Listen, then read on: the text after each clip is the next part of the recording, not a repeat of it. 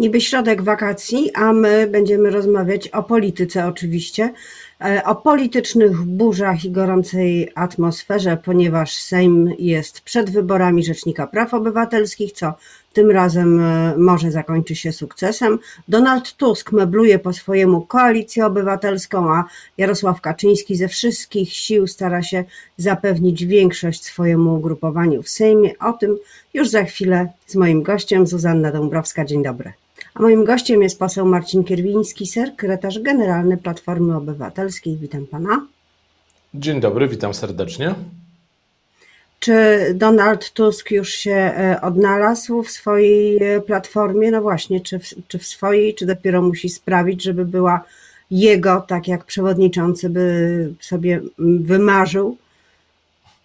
Donald Tusk był od wielu lat obecny w Platformie Obywatelskiej, mimo że pełnił ważne funkcje europejskie, że pomagał Polsce na arenie europejskiej, to jednak Platforma była zawsze jego dzieckiem, politycznym dzieckiem, więc myślę, że nie musi się odnajdować, on jest po prostu u siebie. O, dzieci dorastają, a y, parę spraw jest do załatwienia. Trzeba ułożyć relacje z koalicjantami w koalicji obywatelskiej, to chyba po pierwsze.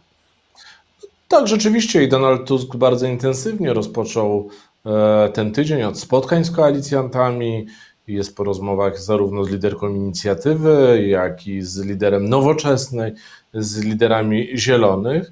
I myślę, że to były bardzo dobre rozmowy. Donald Tusk jest politykiem, który jak budował Platformę Obywatelską jeszcze w okresie premierostwa, to otwierał Platformę na różne, na różne wrażliwości, na różne środowiska. Platforma przecież była formacją bardzo szeroką. Z jednej strony był minister Arłukowicz, z drugiej strony może to teraz nie polityczne, no ale to przecież taka jest prawda. Był pan minister e, Gowin, więc Donald Tusk zawsze potrafił budować szeroką formację polityczną i myślę, że tak będzie także teraz. Stąd ja jestem spokojny o jakość relacji z koalicjantami. Jakie sprawy są do załatwienia? Mówiło się zaraz po sobocie, po powrocie Donalda Tuska o tym, że stanowisko szefa klubu Cezarego Tomczyka jest zagrożone, no bo jakiś wygodny fotel trzeba znaleźć e, dla pana Borysa Budki. E, czy to się zmieniło, czy po spotkaniu z koalicjantami e, Donald Tusk bardziej skłonny jest pogodzić się z tym, że to były szef kampanii Rafała Trzaskowskiego prowadzi klub?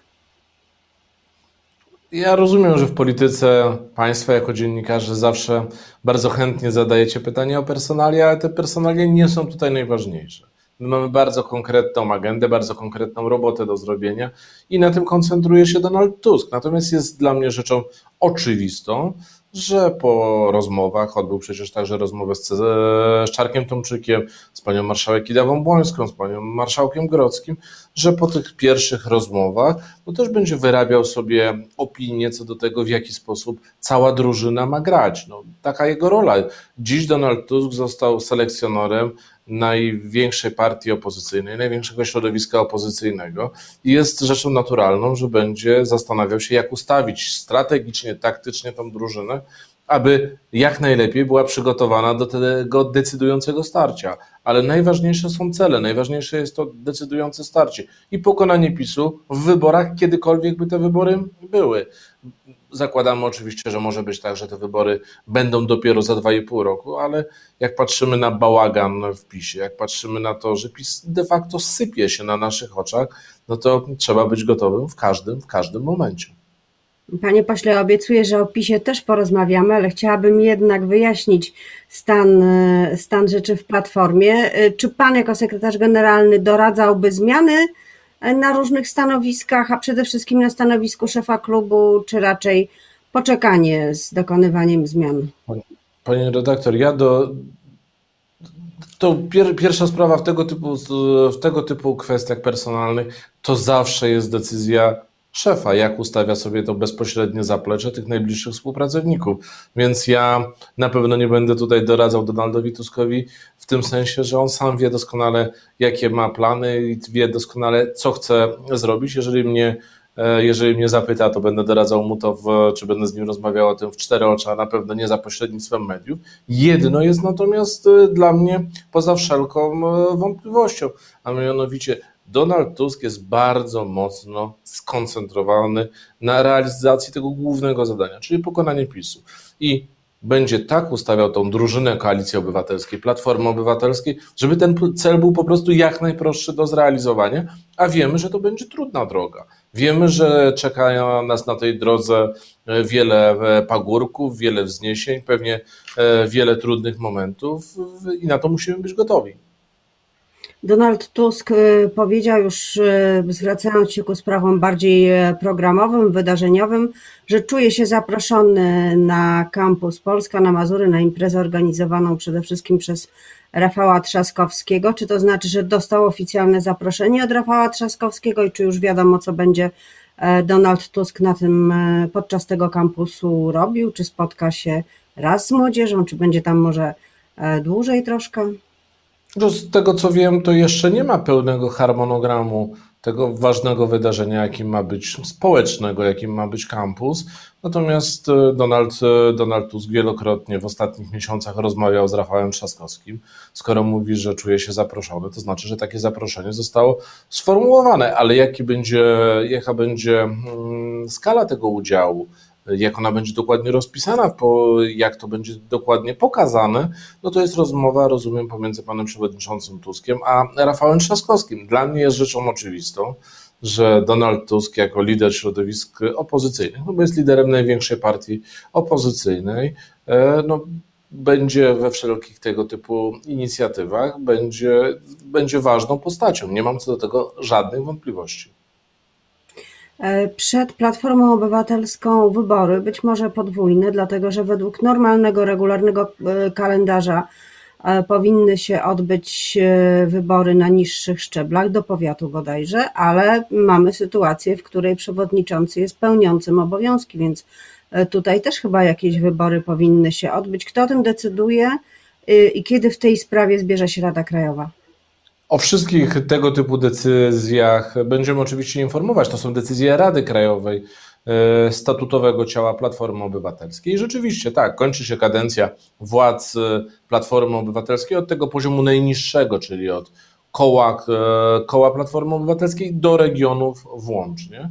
I będziemy z całą pewnością te wybory odbywać E, w okresie powakacyjnym, pewnie to będzie wrzesień, październik. E, tu jeszcze dokładny harmonogram nie został zatwierdzony przez Radę Krajową. Natomiast jeżeli chodzi o kwestię kadencji przewodniczącego, bo ja bym chciał kilka rzeczy w tej sprawie bardzo mocno powiedzieć, to pierwsza sprawa, Donald Tusk niejako mm, no, pełniąc obowiązki wypełnia kadencję Borysa Budki. Ta kadencja mo może trwać jeszcze E, maksymalnie 2,5 roku. Ostatnio dyskutowaliśmy o tym na prezydium partii, na zarządzie partii i wszyscy zgodziliśmy się, że to nie jest czas na. Dziś czas jest e, na to, aby dać nową energię opozycji, aby pokazać wyborcom, wyborcom opozycyjnym, którzy często już tracili nadzieję na to, że można wygrać z PiSem, żeby właśnie tą nadzieję przywrócić. I na tym powinniśmy się skoncentrować, a nie na kolejnej kampanii wewnętrznej. Choć też bardzo mocno trzeba powiedzieć, Donald Tusk bardzo mocno to deklarował na naszych wewnętrznych spotkaniach, że jakkolwiek, e, kiedykolwiek by te wybory na przewodniczącego zostały rozpisane, on w nich będzie startował e, i jest gotowy na rywalizację z każdym. Ale tak jak mówię, dziś koncentrujemy się na tych głównych zadaniach. E, partia polityczna, ja rozumiem, że życie wewnętrzne partii politycznej no jest, jest istotne, ono jest też jest często komentowane przez dziennikarzy, analityków sceny politycznej, ale gdzieś na samym końcu ważne jest to, co partia ma do zaoferowania swoim wyborcom, jakie cele ma zrealizować. A cel powrotu Donalda Tuska, cel tego manewru, który ustalił z Borysem Budką, jest bardzo prosty. No, pokonać PiS, przywrócić w Polsce normalność, doprowadzić do sytuacji, w której takie ustawy, jak takie wrzutki, jak chociażby wczorajsza zwieczorna wrzutka o no, de facto za zamykaniu TVN-u, żeby nigdy w normalnym, demokratycznym państwie się po prostu nie zdarzały. No tak, ale w demokratycznym państwie jest także ważny demokratyczny mandat demokratycznie wybranego e, przewodniczącego tutaj... po to, żeby wzmacniać. Zgoda, dlatego ten mandat jest jak najbardziej demokratyczny i bardzo, bardzo silny. Donald Tusk wybrany został przez Radę Krajową Platformy Obywatelskiej. To było ponad 200 głosujących, reprezentantów całej struktury Platformy Obywatelskiej. Donald Tusk został wybrany jednogłośnie i wszystko to odbywało się w zgodzie ze statutem Platformy Obywatelskiej. Więc jeżeli chodzi o siłę mandatu, jakość tego mandatu i jakość, e, siłę takiego przywództwa Donalda Tuska w Platformie Obywatelskiej, nikt chyba nie może mieć wątpliwości, że jest to mandat bardzo, bardzo mocny. To ostatnie pytanie z tej półki, e, bo jak obiecałam, e, porozmawiamy też o tym, co robi Prawo i Sprawiedliwość, ale e, chciałam się dowiedzieć, czy jest już wyznaczony jakiś chociaż przybliżony termin spotkania władz Platformy Obywatelskiej, czy też samego przewodniczącego z innymi władzami lub liderami partii, które znajdują się politycznie najbliżej, czyli Polskie Stronnictwo Ludowe, Polska 2050, Wiadomo, że wszyscy teraz patrzą na sondaże. Platformie udało się troszkę uszczknąć z tego poparcia, którym cieszył się Szymon Hołownia, no ale nie wiem, czy to pomaga w wybraniu daty. To na pewno w ciągu najbliższych kilku tygodni dojdzie do takich spotkań. Zresztą Donald Tusk podkreślał to osobiście, że, jest, że był przez ostatnie miesiące w kontakcie z liderami innych partii opozycyjnych, z niektórymi, jak chociażby e, Polskie Stronnictwo Ludowe. No Donald Tusk współpracuje na bieżąco jako szef Europejskiej Partii Ludowej. Przypomnijmy, że i Platforma, i PSL wchodzą w skład Europejskiej Partii Ludowej. E, więc ja myślę, że tutaj te kontakty były i będą bardzo ożywione. Zwłaszcza, że myślę, że bardzo wprost Donald Tusk, mi się bardzo podoba takie, e, takie postawienie sprawy, powiedział, trzeba usiąść, trzeba zastanowić się, które pomysły z programu Platformy są akceptowalne i fajne dla innych partii politycznych, gdzie są takie rzeczy, z których my możemy skorzystać jako Platforma Obywatelska, zrobić jakiś katalog e, zbieżności i w ramach tego starać się budować jak, najsz, jak najszersze, ale też najbliższe porozumienie. Czy to zaowocuje jedną listą w wyborach e, parlamentarnych? To zobaczymy. Ja nie chcę tego przesądzać, bo zawsze, zawsze jest tak, że to wszyscy partnerzy muszą się na coś takiego godzić. My nie jesteśmy od tego, żeby cokolwiek narzucać. Możemy proponować, możemy namawiać, ale gdzieś na samym końcu oczywiście każda z partii opozycyjnych ma swoją suwerenną decyzję. Ja jestem osobiście przekonany, że ta współpraca musi być i aktywna, i dobra, i taka bardzo, bardzo partnerska, bo tylko to będzie gwarantowało zwycięstwo z PiSem. W rozmowie z Rzeczpospolitą Szymon Hołownia właściwie nie wykluczył nawet wspólnych list. Mówi, nie, nie ma żadnych rozmów, nie ma żadnych negocjacji, jesteśmy samodzielnym, odrębnym bytem. I przynajmniej do momentu, kiedy nie zostanie ogłoszony termin e, wyborów, e, nie będziemy o tym rozmawiać. No ale to nie znaczy, że nie będziecie w ogóle. Ale myślę, że to takie prawdziwe opisanie rzeczywistości. Wszyscy wiemy, że koalicje wyborcze, rozmowy o wspólnych listach zawsze nabierają tempa, zawsze nabierają tych rumieńców e, wtedy, gdy rozpisane są wybory, albo gdy wiemy, że te wybory są już bardzo, bardzo blisko. Teraz, gdy Czysto teoretycznie oczywiście. Te, gdy planowo wybory mają odbyć się za dwa i pół roku, no to każda z partii politycznych walczy o własną tożsamość, własną rozpoznawalność, własne pomysły. I nawet jak teraz niektóre środowiska polityczne z założenia mówią, nie, na pewno nie będziemy chcieli być na jednej liście, to myślę, że realność w te, czasu, gdy będą rozpisane wybory, realność szans na wygranie będzie determinowało decyzję tych partii. E, w takim razie Prawo i Sprawiedliwość, bo znowu jest e, taka sytuacja, w której e, PiS stara się narzucić temat rozmowy wszystkim innym, a w dodatku chyba bardzo zręcznie wczoraj posłowie złożyli projekt ustawy, która de facto wyklucza możliwość bycia właścicielem stacji telewizyjnej przez firmę czy osobę fizyczną, która zamieszkuje poza europejskim obszarem gospodarczym. To oznacza, krótko mówiąc, że TVN e, nie mógłby funkcjonować, bo amerykański właściciel czy inwestor nie mógłby być, nie mógłby pełnić takiej funkcji, roli i mieć własności w Polsce. Czy to jest tak, że PiS robi takie rzeczy, bo wie, że na pewno Platforma będzie musiała się tym zająć i bardzo głośno krzyczeć i dziennikarze się na to rzucą, a wtedy inne sprawy może odejdą na drugi plan, na przykład nepotyzm w partii? Ja myślę, że to są dwa wymiary tego, e, tego procesu, tej decyzji Kaczyńskiego i oba, mówiąc zupełnie szczerze, są bardzo, bardzo groźne.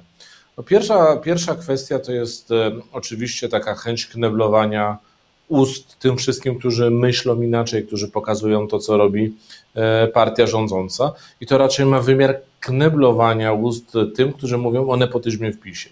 No widać, że ten PiS e, mm, no, obawia się mediów, które po prostu mówią prawdę nie lubią prawdy, nie akceptują e, sytuacji, w której media są po prostu niezależne i to jest któreś podejście do tego, aby media de facto w Polsce zamykać. To jest taka, taka, taki model, którym podążał ich sojusznik pan Orban, w którym podążali no, e, rządzący w państwach quasi-demokratycznych, na przykład e, Erdogan w Turcji. I to jest ten pierwszy wymiar, bardzo niebezpieczny, szalenie groźny dla demokracji, no bo jeżeli zamknie się media, które będą mówiły prawdę o tym, jak rządzi PiS, no to de facto będziemy niebezpiecznie szybko cofać się, na, cofać się do tego, z czym chyba skończyliśmy w 1989 roku. Ale jest też drugi wymiar i on ma, on ma trochę inne barwy, no bo ja też widzę, widzę wielką panikę w PiSie. To znaczy ta, ta, i taką wiarę w to, że jeżeli nie będzie kogoś, kto będzie pokazywał niegodziwości, to te niegodziwości PiSu da się zamieść pod dywan. I to jest oczywiście ta panika sama w sobie e, no, mogłaby mnie nawet cieszyć, może z jednym wyjątkiem, że ja widzę, że PiS jest trochę tak jak, z PiSem jest trochę tak jak z terrorystami. Gdy są już postawieni pod ścianą, to stają się szczególnie niebezpieczni i będą podejmowali decyzje, które które będą szalenie niebezpieczne dla Polski. I to jest ta obawa, że przyciśnięty do ściany, sypiący się PiS będzie starał się za wszelką cenę e, utrzymać władzę, a tą cenę de facto płacić będą Polacy. Bo dziś e, no, awantura ze Stanami Zjednoczonymi, kolejna awantura ze Stanami Zjednoczonymi jest nam po prostu niepotrzebna. A takie praktyki... Ale panie pośle, czy, czy czy wy już analizowaliście to z punktu widzenia prawa międzynarodowego? Czy w ogóle jest możliwe zakazanie e, posiadania własności w innym e, państwie, na które nie, nie, są nałożone żadne sankcje, ani na jedno państwo, ani na drugie państwo? E, czy taka decyzja ma szansę w międzynarodowym arbitrażu? Panie redaktor, panie redaktor, tylko cały problem polega na tym, że my cały czas staramy się E, rozmawiać, zresztą pani redaktor zadaje to pytanie w takim standardzie, czy to jest możliwe w demokratycznym państwie prawa. Nie, nie jest możliwe i to jest oczywiste.